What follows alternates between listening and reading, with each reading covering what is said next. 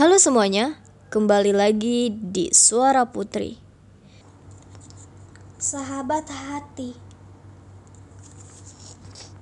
Ketika malam bergulir di atas langit Terdengar suara gemericik air Suara hatiku seketika terhentak kencang Aku bertanya pada malam Apa yang harus aku lakukan?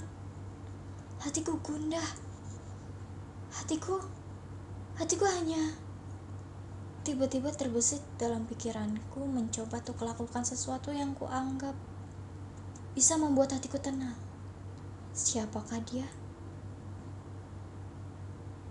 Dialah sahabat hatiku yang selalu menemaniku setiap waktu, membimbingku, menuntunku, dan menegurku bila ku salah, menyapaku bila ku diam.